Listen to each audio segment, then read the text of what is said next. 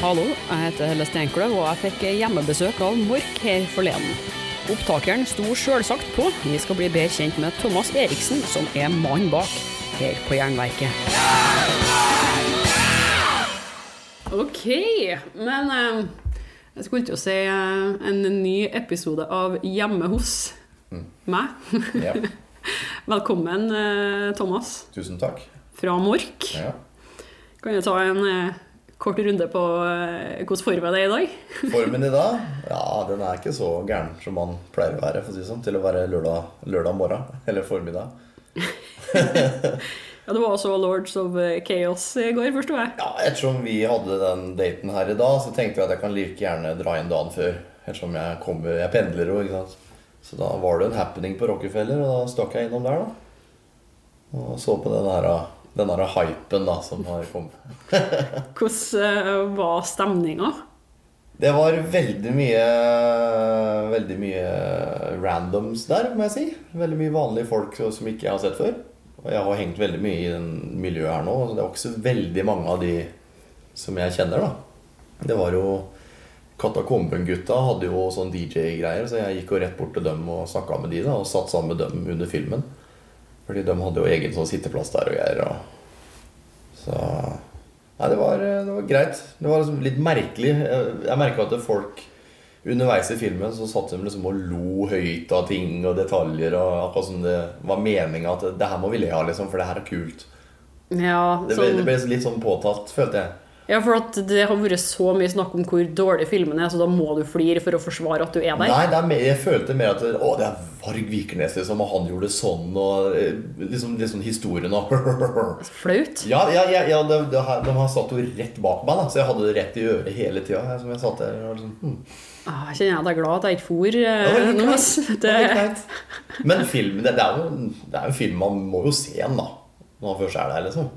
Jeg forstod det som at den er bra laga. Selvfølgelig blir det rart for en eh, nordmann å se folk man eh, kanskje kjenner, snakke på engelsk og alt sånt, men det er jo bare en filmatisering av eh, Som er basert på virkeligheten. Som 90% av alle filmer i verdenshistorien. Ja. Så folk burde bare slappe av litt. Ja. Ikke, alle skal liksom eie den historien så jævlig. Og det er jo det er, det er, det er jo verdenshistorie, rett og slett. Og selvfølgelig ja. lager de noe som er basert på det.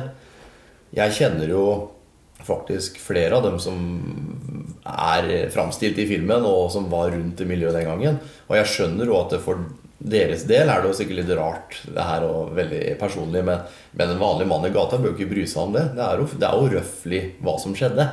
Ja, altså for, for oss da, som eh, er født midt på 80-tallet, så var vi jo ikke der uansett.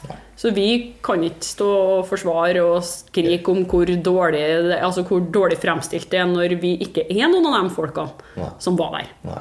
Jeg begynte på barneskolen jeg, sånn rundt Ja. den tida, så det, jeg Jeg husker vagt forsidene om kirkebrannene og det der, og jeg skjønte ingenting da. Men eh, Jeg skjønte at det var noe farlig og noe Ja. hubbug som pågikk. ja. Men det, det der igjen da har jo på en måte skapt magi for meg, da når jeg da oppdaga black metal i en litt senere tid. ikke sant? For da hadde jeg liksom den der mystikken liggende svevende over det. da Og det er takket være det her farlige da og skumle som var den gangen. ikke sant? Men når var det du begynte å komme inn i eh, ja, hva skal vi si, mer ekstrem musikk? Altså, gikk du rett på black metalen, eller var du innom heavy og alt sånt? Ja, nei, jeg begynte jo Jeg begynte å spille musikk i 1998. Og da var det jo punkrock, da. Og det, da snakker vi 70-talls britisk punkrock. Så det var liksom Sex Pistols og The Clash og Buzzcocks og Undertones og Sham 69 og og så selvfølgelig litt eh, Ramones og sånt. da Så jeg, jeg var punker i ganske lang tid. Med rødt eh, pigghår og skinnbukser, Johnny Rotten-style. Kjettinger og nagler og Pistols, eh, fillete trøyer. Og. Så jeg begynte der, og så oppdaga jeg ACDC, som ble da mitt favorittband til dags dato. Og så fant jeg Maiden og trash metal og diverse. ikke sant? Og til slutt da så ramla jeg inn i black metal. da For da måtte jeg Det er sikkert litt sånn som dop. Du begynner med én ting, og så ender du med det verste. ikke sant? Naturlig utvikling òg, kanskje for å vende til ørene òg. For jeg, husker jo at eh, første gangen jeg hørte black metal, da forsto ikke jeg det helt. Nei. Eh, Men når jeg da etter hvert jobba meg opp fra sånn power metal og eh, prog metal og sånt, og så blir ørene vant med det, så er plutselig black metal helt naturlig eh, for deg, da. Ja, ja, ja. Absolutt. Absolutt. Men eh, du starta jo Mork rundt 2004. Ja. Kan du eh, si litt om det? Det tok jo litt tid før det ble noe ut av det. skal du si, så hva- var Mork først? Jeg kan begynne med åssen jeg fant black metal. da Eller åssen ja, black ja, metal ja. fant meg. Herregud. I 2001 så dro jeg og faren min til Roskildefestivalen i Danmark. Og fordi eh, vi har en slektning som den gangen var med og drev, eller i hvert fall var ganske høyt oppe i den festivalen. da Så vi dro dit ned, og jeg var liksom typ 16 år og liksom fersk rocker. da Og der fikk vi liksom sånne uh, backstage-greier på Vesten og sånn, og så kunne vi gå hvor vi ville, da. Og da husker jeg vi gikk rundt og titta på liksom Hammerfall. Apropos power metal. Jeg må si Hammerfall. Og så titta jeg på programmet, og så sto det liksom at jeg, jeg, jeg leta etter metal-band, selvfølgelig, da, for Roskilde har mixed bag. ikke sant? Så så jeg ah, Mayhem. Hm, det har jeg hørt om. Det, sånn, det må være et metal-band. Kanskje de er norske òg. Gikk jo og så det, og bare Ok. Det var liksom veldig trøkk i trynet. da Det var piggtråd, grisehuer og blastbeats og skriking og du vet. Så der på en måte var første inntrykket mitt av black metal. Det var liksom var veldig sånn der, Oi, paff, veldig mye greier, da. Så kom jeg hjem og begynte liksom å google rundt, rundt det her, og så fant jeg Bursum og sånne ting. Og da synes jeg liksom, det var liksom, leste jeg liksom om det her som skjedde med greven, og at det var liksom veldig sånn skummelt og farlig og sånn. da Så hadde jeg det liggende i bakgrunnen ganske lenge. Og sånn rundt 2004 så begynte jeg liksom å føle at det, det her kan jeg på en måte prøve, jeg òg. Ikke være kriminell, men eh, det å på en måte touche de her mørke stemningene og følelsene. da Så da begynte jeg liksom på gutterommet å spille inn liksom demoer med Mork. da Og da satt jeg med sånn basic opptaksprogram. Jeg husker ikke om det het DC-klipp eller et eller annet. Helt elendige greier. Med sånn PC-mikk liksom og sånn. Og så satt jeg med gitaren og mikka opp ampen, og så spilte jeg en trommer ved å trykke på en sånn gammel sånn Casio-keyboard. Så der begynte det. Og da tegna jeg Mork-logo sånn kjapt og gærent. Og jeg tenkte hva skal jeg kalle det bandet? Sånn, det, Nekro er jo kult, liksom. Og røttent og trær og Mork, morkent. Liksom. Ja, vi kaller bandet Mork. vi Så tegner vi en logo som ser litt ut som røtter, og sånn, og så var vi i gang. Da laga jeg en MySpace-huset, og da var det liksom offisielt prosjekt ja, på gang. liksom Men det lå i skyggen lenge, lenge, lenge. Første skiva kom jo ikke før i 2013. Nei, ikke sant? Det gikk nesten ti år. For du var, jo, du var jo alene om det her helt fra starten, og det var bare de greier. Det er du som satt der og det er det i dag òg. Ja. Men, men, men altså, nå, nå har du jo fått et eh, liveband rundt deg, og du får gjort noe mer ut av det. Men hvordan eh, var det i starten, når du egentlig bare satt der eh, på gutterommet og holdt på? Var, var det noen andre som visste at uh, det her er Helen Thomas på med, og det De aller nærmeste. ja. Det er helt ukjent sånn egentlig. Hva var det som gjorde at uh, du fant ut at du skulle ta steget og gjøre noe med det? da? Nei, jeg, har vel Jeg har spilt i andre band på si helt siden jeg begynte å spille gitar og sånn, ikke sant? På slutten av 90-tallet. Og så har jeg liksom merka at jeg har stagnert litt, liksom. Og jeg, har liksom, jeg får ikke uttrykt det jeg egentlig vil, da. Det, føl, det har føltes veldig fake, da, å si sånn, det jeg har drevet med. Så ettersom jeg hadde Mork i bagen, liksom, så hvorfor ikke bare gå all in? Egentlig det er det jeg føler sterkest for, da. Så da var det en sommer i 2013 hvor jeg egentlig holdt på med et prosjekt som heter October Moon, som da er det, Hensikten her var å lage et album som er eh, 100 inspirert av Black Sabbath sin Mob Rules-plate. Den andre med Dio, ikke sant? Ja, ja. Og det er Etterligna gitarsounds og trommesounds og alt mulig, og låter og riff. Og, så den plata var nesten så å si ferdig. Men så dro jeg og besøkte en god kamerat av meg oppe i Trysil, som tilfeldigvis hadde Dark Throne i kjelleren. De var- der da, eller? Nei, de var ikke der da. Men uh, øvingslokalet til Dagsråden og studioet deres er i kjelleren hans. Eller var, da. Og der sto trommesetter og gitarene til guttene. Så jeg var der nede liksom, og følte litt på det greiene her. da Og så dro jeg hjem, og så Nei, ta, nå skal jeg bare spille inn en black metal-plate. Og så skal jeg, gi, skal jeg brenne 100 X, og så skal jeg levere ut til kjente ikke sant? og se hva de syns, og sånn, og så ser vi hva som skjer. Så der begynte det egentlig. Jeg fikk en sånn liten spark. Og det trengte jeg. Men kan jeg da, før vi går videre med den, spørre hva som skjedde med den eh, Mob Rules-inspirerte plata? Å, vet du hva? Jeg, jeg hører på den ganske ofte, faktisk. Jeg, det, hvis jeg får si det sjøl, jeg syns det er dritfett. liksom Det er veldig, veldig kult. Så jeg har lyst til å gjøre det ferdig. Ja! Ja, Du kan få høre litt etterpå. hvis du vil. ja, det må vi gjøre. Ja, det er, eh, jeg, jeg mangler en eh, jeg, jeg har jo en kamerat som egentlig synger på det her, men jeg, lurer på om jeg skulle ha kanskje fått tak i en som er litt mer tilnærma Ronny, da. Så vi får se. Kanskje Bjørn Lande er ledig. Kanskje det. Kult. Uh, hvordan gikk det med de her eh, 100 eksemplarene du brente ut? da? Klassisk CDR, bare det? Det var CDR med Det var påkosta, da. Jeg kjøpte jo plastlommer, og så kjøpte jeg fotopapir. Så jeg dro hjem til mora mi, og så printa hun og brukte blekkpatronene sine og printa 100 som jeg satt hjemme og kløppa og nummererte. Så de er sikkert i sirkulasjon nå ennå. Men eh, de, det greiene her endte jo som var det. En kamerat av meg ga ut den samme skiva. Vi snakker om Isebakke nå, debutplata. Ja, Den som kom i 13? Ja. Ja. Så en kamerat av meg ga ut den digitalt. Og da havna den selvfølgelig på YouTube og litt diverse ting. Og så, da ble jeg kontakta av en kanadisk undergrunnslabel som lurte på om jeg hadde lyst til å gi ut skiva med dem.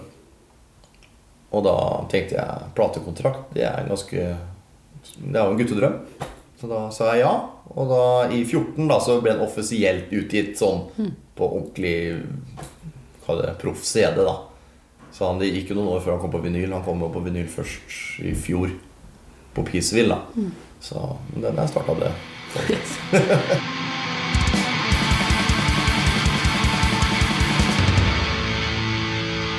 Jeg kan jo fortelle litt om eh, Isebakke, første plata der, eh, hvordan du jobba med den. Jeg forsto det som at det var oppkalt etter hjemplassen din. Ja, jeg er fra Isebakke, så Nei, den plata er jo egentlig en biografisk eh, samling med låter.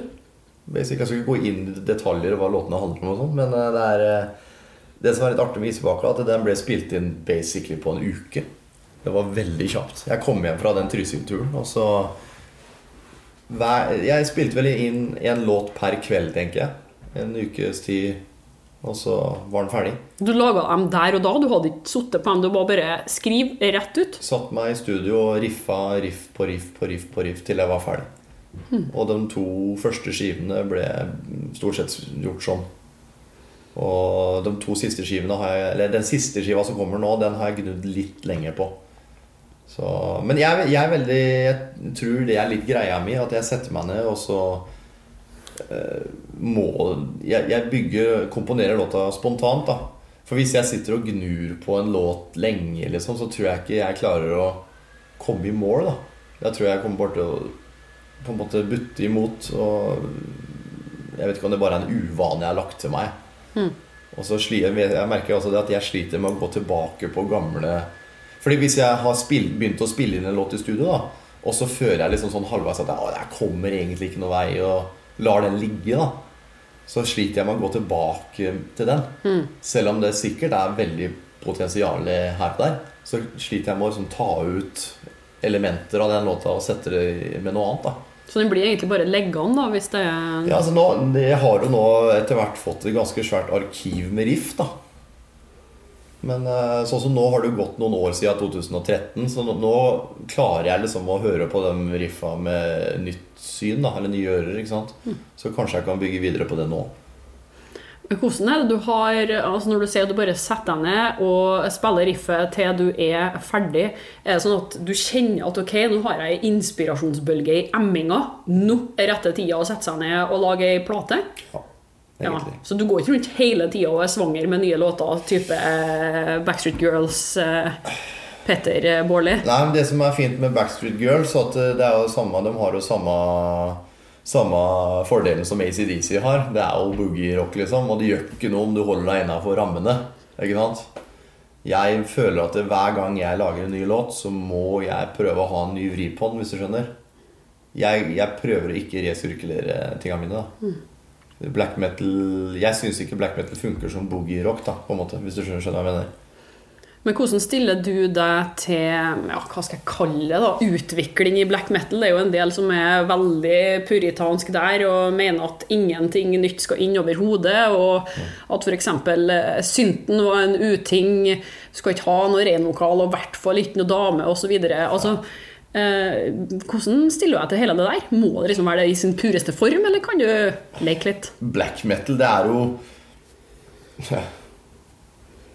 det, er så bredt begrep at det, det er liksom Som du sier, da, du har jo liksom Dimmeborger, og så har du første demoen til Darkthrone, liksom. Og alt imellom her sånn er jo forskjellige grener av black metal. Så det, for meg er black metal bare en paraply. Liksom. Det er betegnelsen på mørk musikk som har Som er ekstremt på et vis, da. Ja, så bare tull å kalle det ekstremmetallet, egentlig. Ja. Men eh, for meg er min, mitt black metal Det er jo individuelt for meg, selvfølgelig. Sånn som det er for deg hva du anser som black metal. Jeg vil at det skal være stripped down og eh, litt sånn eh, rock'n'roll, da. Eh, i, sånn som, sånn som Mork er, da. Jeg synes det er, Hvis det er blast beats hele tida og bare sånn der kaos, liksom, så da kjeder jeg meg. Det må være litt dynamikk, da. Så det er på en måte mitt black metal, sånn som jeg ser det. Kan blande inn litt heavy i det òg, så de gjorde det første bølgen. Det gjør det mer interessant. Ja, syns jeg det. Altså det, å, men det, det å være én fyr, da, det gjør jo at du har eh, full kunstnerisk frihet. Du kan få det akkurat sånn som du vil. Du trakterer instrumentene sjøl og gjør alt med vokal og, og sånt. Ja. Men det å spille live er jo ikke like lett. Det er litt kjedelig å stå sånn som eh, ja, For så vidt han kommer unna med det. Jeg så Roland Sedermark live en gang. Og han eh, var alene, hadde med seg en kassettspiller med komp, og så spola seg frem til sånn hver låt som han skulle spille. Spola seg frem. Han hadde stort sett planlagt, men av og til så gikk det i ball. Yes. Men, men eh, det ville ikke du gjøre. Du hadde lyst til å ha med deg en livegjeng, du. Ja, er, som sagt, jeg, jeg er jo en rocker, liksom. Og det her er rock'n'roll. Det er 1, 2, 3, 4 og ikke noe metronummer. Og det er sånn jeg liker det. Og det skal være to gitarer, bassgitar og trommer, liksom. Da, Hvor fant du denne gjengen som var villig til å eh, gjenskape uh, Det Høv live, da? Det er jo ikke nødvendigvis bare bare å spørre en kis om Hei, du har lyst til å være med i bandet mitt? Eh, Forresten, jeg bestemmer alt. Ja. Nei, det skal sies at jeg, når jeg i, i flesteparten av de Eller jeg begynte jo å henge i Oslo-miljøet og black, ble kjent med black metal-folk i ja, ganske seint. Når var det? 2000 og Ja, kanskje 12 og oppover, eller noe sånt, hvis jeg regner riktig. Og alle åra før det har ikke jeg kjent black metal-folk. Så når jeg liksom jeg, jeg har egentlig bare spurt kamerater, da. Som har spilt, selvfølgelig, da. Har du lyst til å være med i Mork, liksom? Så Bassisten han har ikke spilt black metal før, liksom. Han er jo en gammel rocker, han, liksom. Punkrocker og sånne ting. Gitaristen min, han, øh, han har jo alltid hørt på metal og black metal og sånn, men har aldri vært med i noe. Og trommeslageren Daniel han er jo med i Ragnarok da, ellers. Så han er den som har vært lengst i gamet, sånn bortsett fra meg, da. Så, men vi har på en måte bygd noe sammen som på en måte funker fett, da. Jeg mener iallfall at Mork har fått en, fått en ordentlig kjerne. Og showet taler for seg, da. Men hva greia med at første konserten var i Polen Ja. og ikke i Norge? Det reagerte jeg litt på når jeg leste gjennom historien deres. her. Ja, nei, eh, Første trommeslageren vår Det kan jeg også nevne. At eh, Han heter Lukas. Eller heter Lukas, han lever ennå. For, for øvrig. en polsk trommeslager. Ja, han er, han er veldig dyktig, teknisk flink fyr som er veldig inne i sånn her teknisk death metal-ting. ikke sant? Som er sånn ommer og spiller fortest mulig og intrikat. Han, eh, han fikk meg Han var en av dem som fikk meg liksom til å begynne å spille black metal live. For jeg møtte han via en kamerat og så Oi, her har vi faktisk en kapabel trommeslager. Så da begynte vi å spille, jamme litt, og da var det litt mer ekstrem sånn type Keep og Kalessin 1349-greier, da. som videre ut, ble til det som er nå, da, som dumma ned og simpla ned. Hvor han da ikke passa inn lenger, for han er såpass teknisk kyndig. jeg på å si. Men han skaffa da en gig i Polen.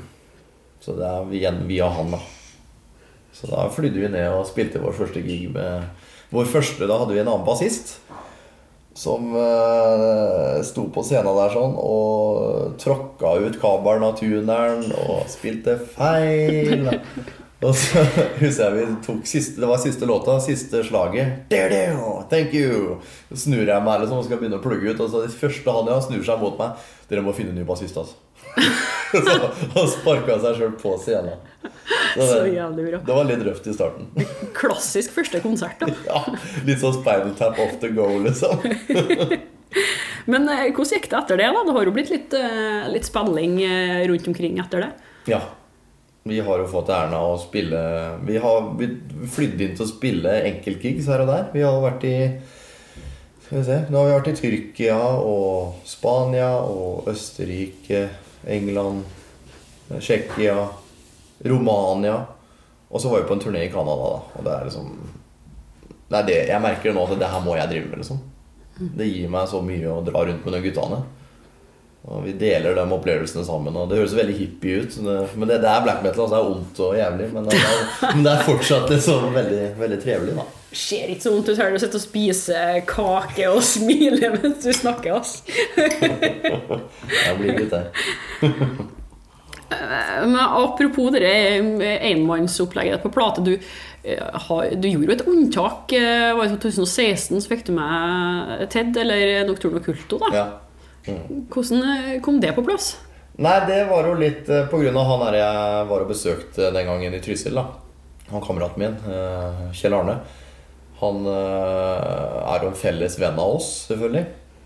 Og han eh, har jo vært med på litt Dagsrevyen-ting som korist og sånne ting. da Men eh, jeg, på grunn av dette her at jeg blir inspirert av å være oppe i kjelleren hans, så har jeg da i ettertid skrevet en låt til han, eller om han, som er, eller dedikert til han, da, som heter 'Hudbreiderens revir'. Og da tenkte jeg liksom at eh, faen, jeg kan like gjerne bare sende Ted en melding liksom, og høre med den. Det verste som kan skje, er at han sier nei. Men han syntes det var en kul idé, og omsider så fikk jeg, fikk jeg et brev, en bobleplastbrev i posten med en CD-R, liksom. Med hans vokalspor. Det var ikke snakk om å sende mail, liksom. Det var heller over nett. Jeg fikk CD i posten. liksom. Det er det altså. Så gammelt. Ja, det er gammelt. Jeg liker det. Men guttene er liksom De er old school helt inntil benet. Ja, ja, ja. ja, Så jeg, jeg husker jeg satt den CD-en eh, satt, Gikk ned i studio da jeg bodde den gangen. da Og satte den inn, og så skulle jeg høre den for første gang. liksom Og så spilte jeg tilbake den, Det var et vers han sang, altså et refreng. Og så hørte jeg liksom at uh, kult og synger teksten min. Liksom. Det var ganske kult. For jeg har jo liksom dyrka dagsrollen en del. da Det er anerkjennelse å få fra eh, idolene sine. Fra oven, på en måte. Så det er veldig hyggelig at de på en måte har tatt meg inn i varmen. Da. Både han og Gylve. Gylve har støtta Mork eh, siden han på en måte hørte om oss, han òg. Så det setter jeg veldig pris på. Ja, det har jo fått litt eh, drahjelp sikkert av Band of the Week på Ja. kanalen til Fenris og Det stemmer, det. Vi var der, ja. Helt riktig. Og det er kjempehyggelig. Det er, eh, og guttene har snakka om også. og så det tror jeg betyr litt. Og nå er det straks ny skive på vei. eh, Det var 19. april og så til slippdatoen til. Stemmer. Det er under Inferno, sant? Ja. Det var ganske beleilig. Sikkert ikke tilfeldig i det hele tatt. Jeg har jobba opp imot det, da, vet du. Snakka med label, og kanskje det er lur idé å få utgitt da, så det er som vi spiller og sånn. Så eh, det funka med deadlines og trykking og sånn, så det tror jeg skal gå i boks. Ja, For nå er det på Peaceville. Mm. Mm. Ble signa til Peaceville i 17. Og da ga de ut eh, tredje plata. Og så ga de ut de to første platene i fjor. Og så nå kommer den fjerde, da. Hos de. Kan du fortelle litt om den plata her? Jeg så det, det som var skrevet på Peaceville sine sider, var jo at um, det virka som at det var lagt så mye følelse i den plata her at uh, tunge tider hadde kanalisert seg inn til det her albumet. Ja. Hva, hva legger du i det? Er det liksom sjela di som er vrengt her? Ja, nei, det, det er jo For å si det sånn, siste par åra har vært de kjipeste i livet mitt.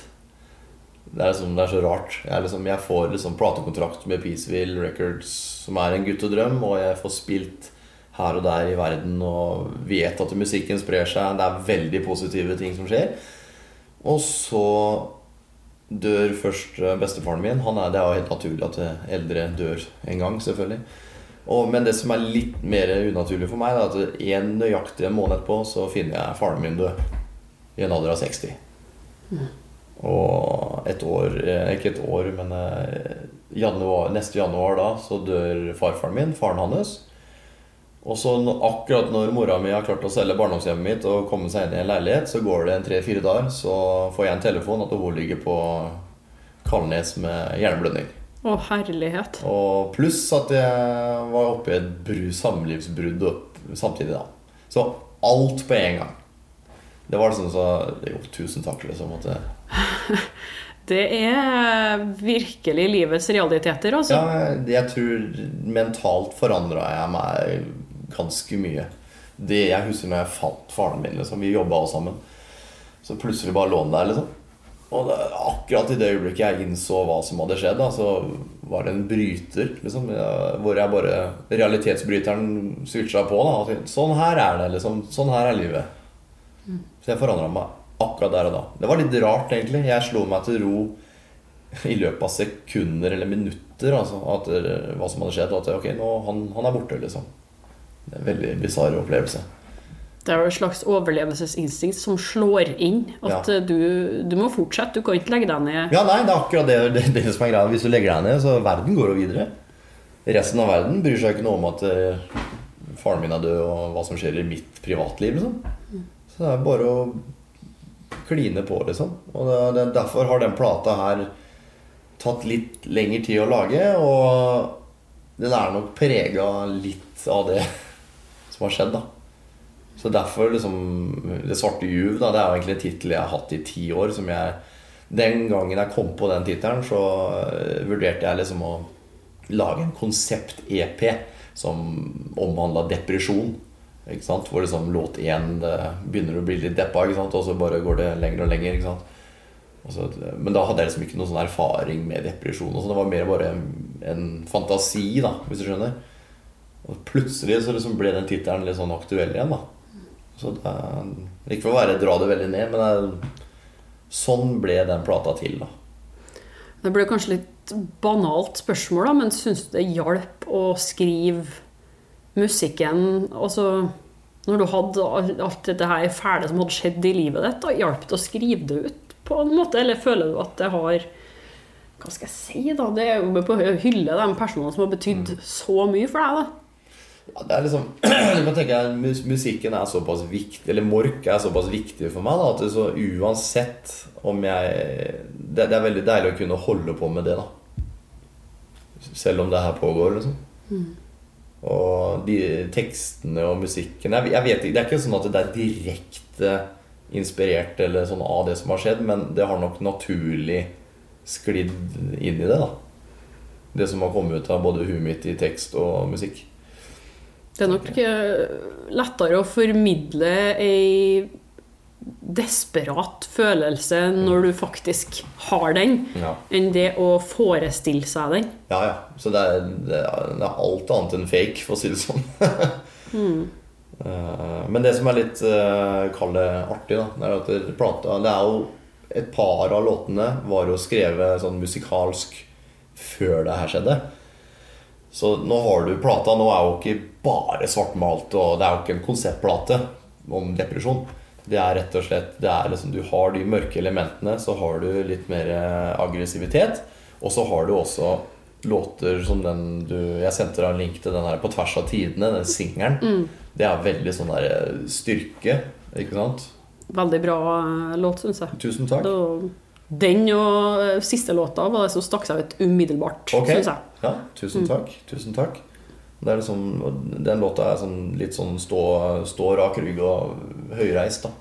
Så du, på, på plata så har du at jeg har vært nede i det jævla mørket, liksom. Men så har du også de her overlevelsesinstinkt-låtene som gjør at jeg, jeg overlevde det også.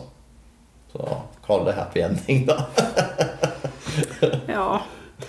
Men, har du jobba bare alene med den eh, plata her òg, eller har du fått noe hjelp utenat? Nei, eneste jeg Jeg vurderte å ha med Fordi på to siste skivene har jeg jo hatt gjesteartister. Det var jo Ted på, første, eller på andre skiva, og så hadde jeg jo eh, Sven Atle, altså Silenos fra Dimmu, på nummer tre sammen med, sammen med Seidemann fra 1349.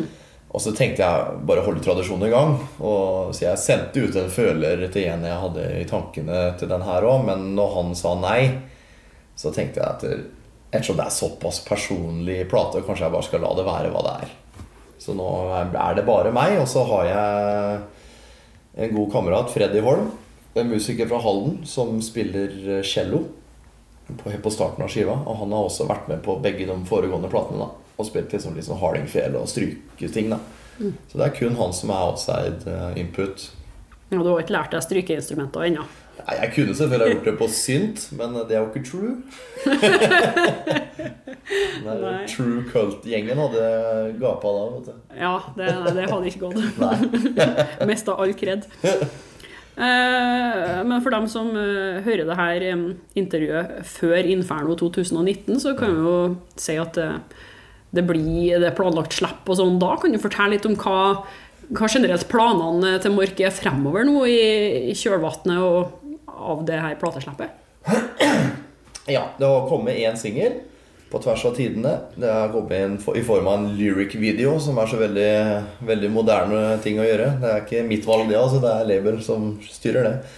Og så skal det komme en singel til, som er en musikkvideo. Som eh, vi filma nå for litt siden med en god venn av meg i Oslo, som driver noe som heter Grey Gold Productions. Bare for å name-droppe litt, for han trenger litt eh, PR. Veldig dyktig gutt som filmer livekonserter og nå har laga musikkvideo med oss. da Og den blir fet som faen. Altså. Gleder meg til å slippe den. Og så kommer det en tredje singel regner jeg med som blir sånn artwork-video. Hvor det er levende artwork. ikke sant Vi hadde det på forrige skiva også. Og eh, plateslipp eh, 19. april. Da kommer jeg til å Jeg er ikke sikker. Er det fredagen? Ja, er ikke det da, tru? Jo, for vi spiller ved 20., og det er lørdag. Ja. Så jeg kommer til å ha, en, eh, ha litt sånn events rundt på Inferno om, Eller rundt plategreiene, bare for å prøve å få litt oppmerksomhet rundt det. ikke? Og folk er klar over hva som skjer. Og så gjør jeg liksom litt sånn intervjuer og sånt sporadisk nå fram til det. Så det er egentlig bare å følge med på sosiale medier og holde seg oppdatert. Og så prøver vi å få spilt litt konserter, da, selvfølgelig. Og da kommer det både CD og LP. CD, LP og det her er fantastiske digitale, da. Ja. ja men det må ha det i tillegg, så du kan sprenge med det på øret og sånn. Ja. Ja, det er det.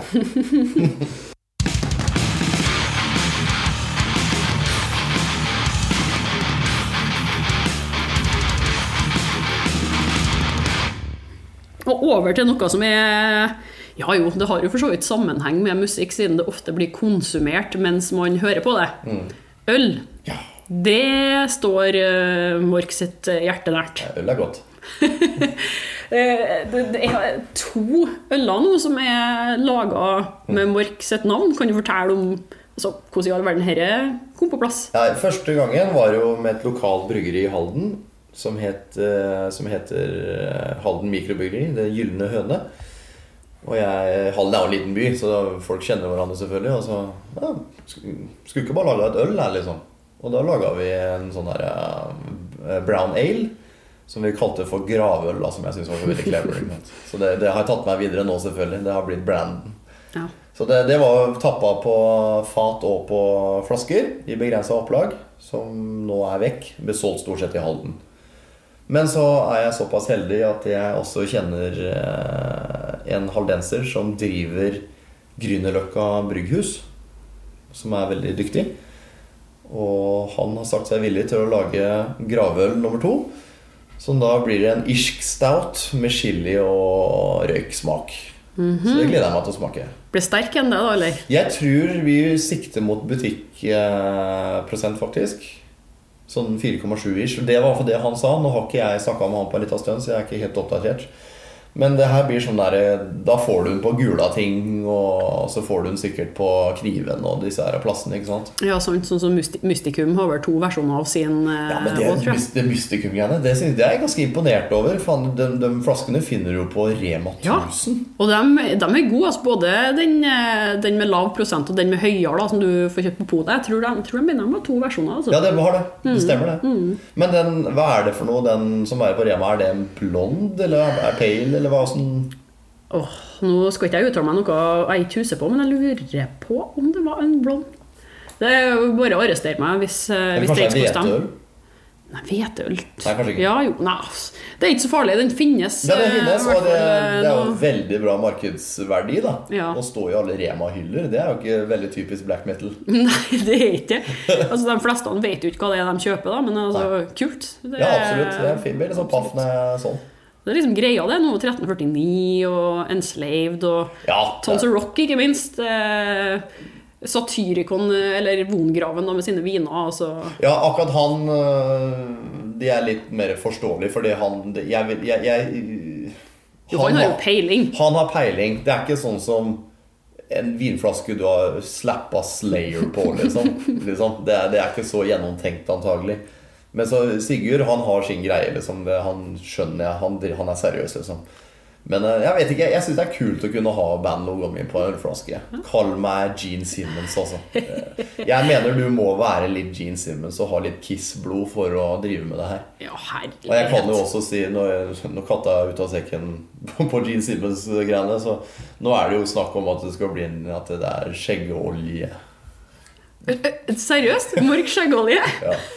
Du har jo et praktfullt skjegg sjøl, så eh, bruker du Er det noe du har kokt sammen på kjøkkenet, eller kjenner du noen som driver med det òg? Nei, det, det skal sies at skjegget mitt det er helt, helt ubrukelig. Det er så tørt og pistrete. Så jeg trenger disse produktene. Jeg har ikke brukt det så mye. jeg, jeg hadde møte her om dagen med et skjeggefirma, da.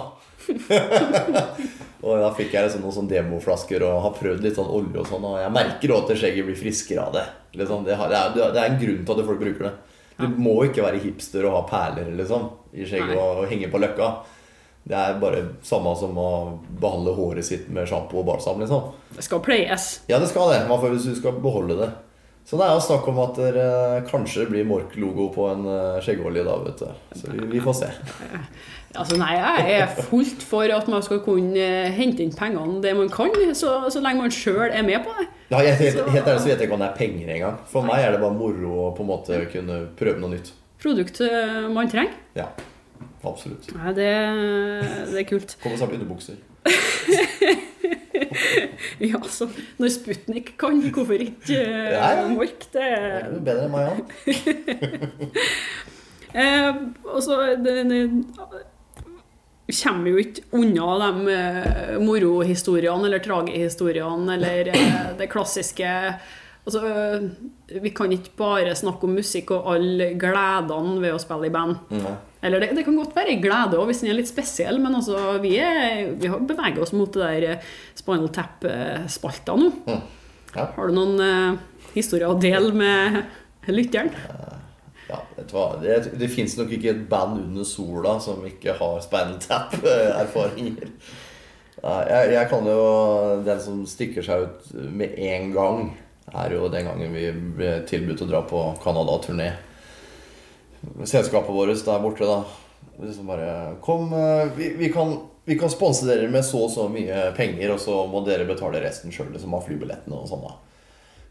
Og Den gangen så var det han forrige trommeslageren som var med, og så han fant seg for god til å bli med. Han gadd ikke å være med å betale for disse her eh, siste grunkene for, for, for flybillettene. Så det vi endte opp med da, det her var såpass nærme, og alt var planlagt. Det var en ukes turné i Quebec og Ontario og Canada, liksom. Og da, vi måtte jo fly bort. Så det som skjer, er at Mork flyr bort som en trio. Bassist og to gitarister. Og møter opp der borte og låner instrumenter og greier og øver. Vi, jeg tror vi øvde én dag, jeg. På et, lånte et lokale i Quebec City, liksom.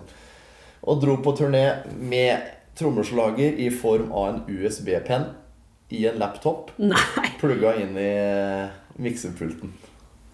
Det var jo litt Roland Cedermark, det. Eh, Det, det var stusslige greier, gitt. Jeg følte meg litt sånn kabaret der, altså. Men Hvordan ble det mottatt eh, av folk, da? Nei, det, akkurat det var ikke noe problem, fordi det var veldig eksotisk at vi var norske og true black metal og du vet sånne greiene, ikke sant, og liksminke og Men på de gangene hvor den her USB-trommeslageren ikke helt er villig til å samarbeide, da, du kan tenke deg vi står der og jeg, har program, jeg programmerte liksom en trommetrack hjemme før vi dro, sant, med opptelling og Den jeg jo ikke på noen. Hvis du skjønner. Nei, Det er jo 1, 2, 3, 4, og så går den til låta er ferdig. Og da må vi bare henge med. Ikke sant? Men det er jo greit nok. Ja, vi var flinke til det og øva hjemme og greier. Men eh, noen ganger så bestemte den seg Eller laptopen til han her fyren da bestemte seg for å kanskje stoppe opp litt. da Og da forsvant plutselig trommen. så vi bare og så, og så plutselig kom den tilbake igjen. Og da vet jo ikke vi hvor de kommer tilbake igjen. Å nei. Men det her skjedde to ganger i løpet av den turen, og begge gangene så klarte vi å avslutte låta på riktig sted. Da. Så det, vi hadde et eller annet høyere makt med oss, altså, men det, det, det skjer ikke igjen. Neste gang så får trommeslageren i så fall spytte inn de ekstra Ja. kronene å komme bli med over. Altså. Til leie inn en fyr på Kongas eller hva som helst. Altså.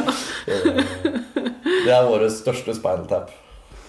Men eh, hva med fansen? Altså, med en gang du driver med black metal norsk, så får du gjerne en del tilhengere rundt omkring i verden som eh, er din aller største fan. Eh, Ja. Har du hatt noen sånne opplevelser der som er litt sånn wow?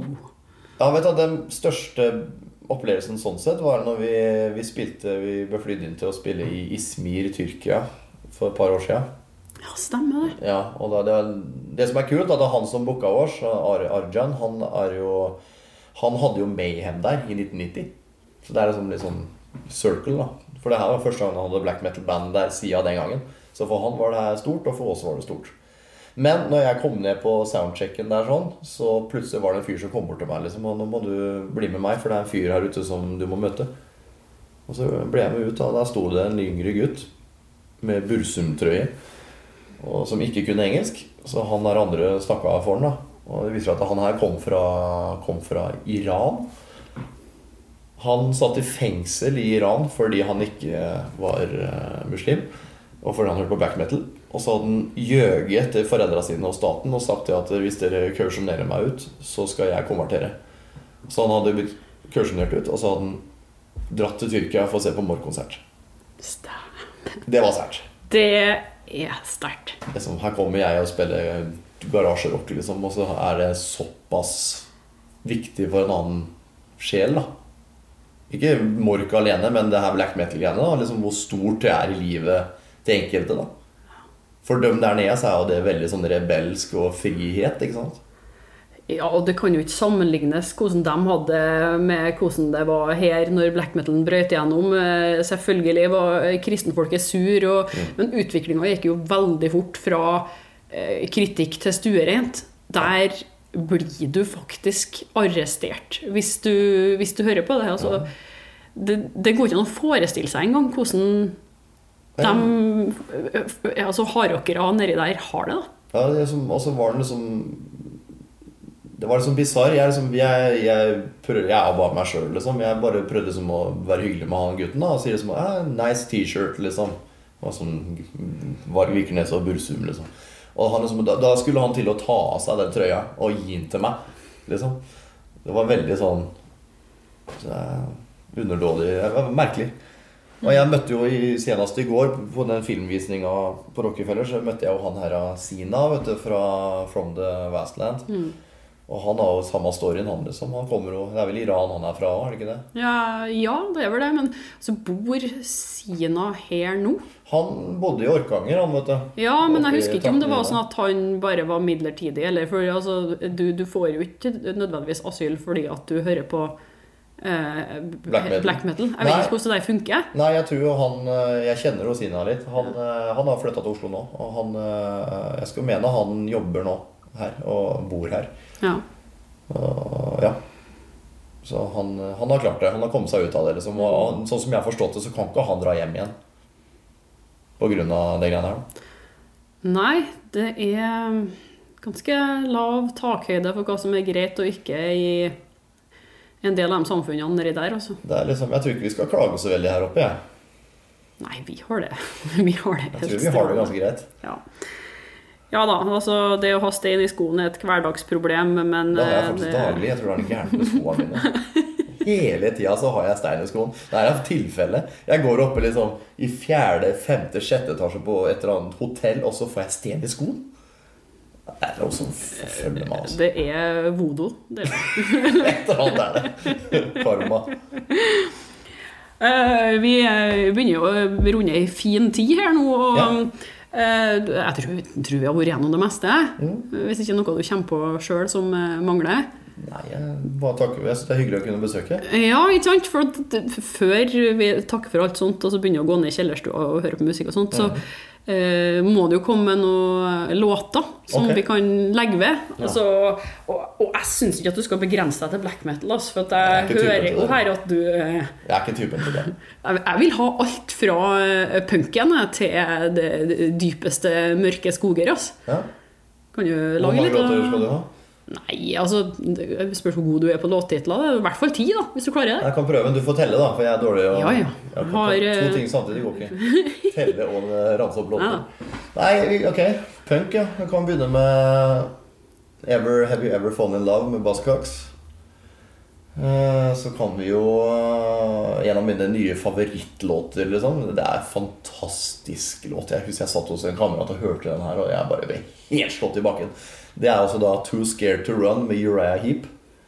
Og så har jeg lyst på Lights Out med Ufo. Uh, Jesus. Skal vi se Vodo med Black Sabbath. Vi kan kjøre 'Moonshine' med Iron Maiden. Da er vi på fem. Skal vi se. Da kan vi ta Du har morklåt inni her òg. en Mork-låt òg? Ja. Da kan vi ta på tvers av tidene med Mork. Eh, ACDC med Spellbound. Og ACDC med The Furer. For det er bare fantastiske låter. Skal vi se. Metallica med Where Wild Things Are. Uh, Megadeth med eh, Angry Again. da har du godt å blande. Det ble ikke noe black metal til slutt. det er deilig. Det er deilig.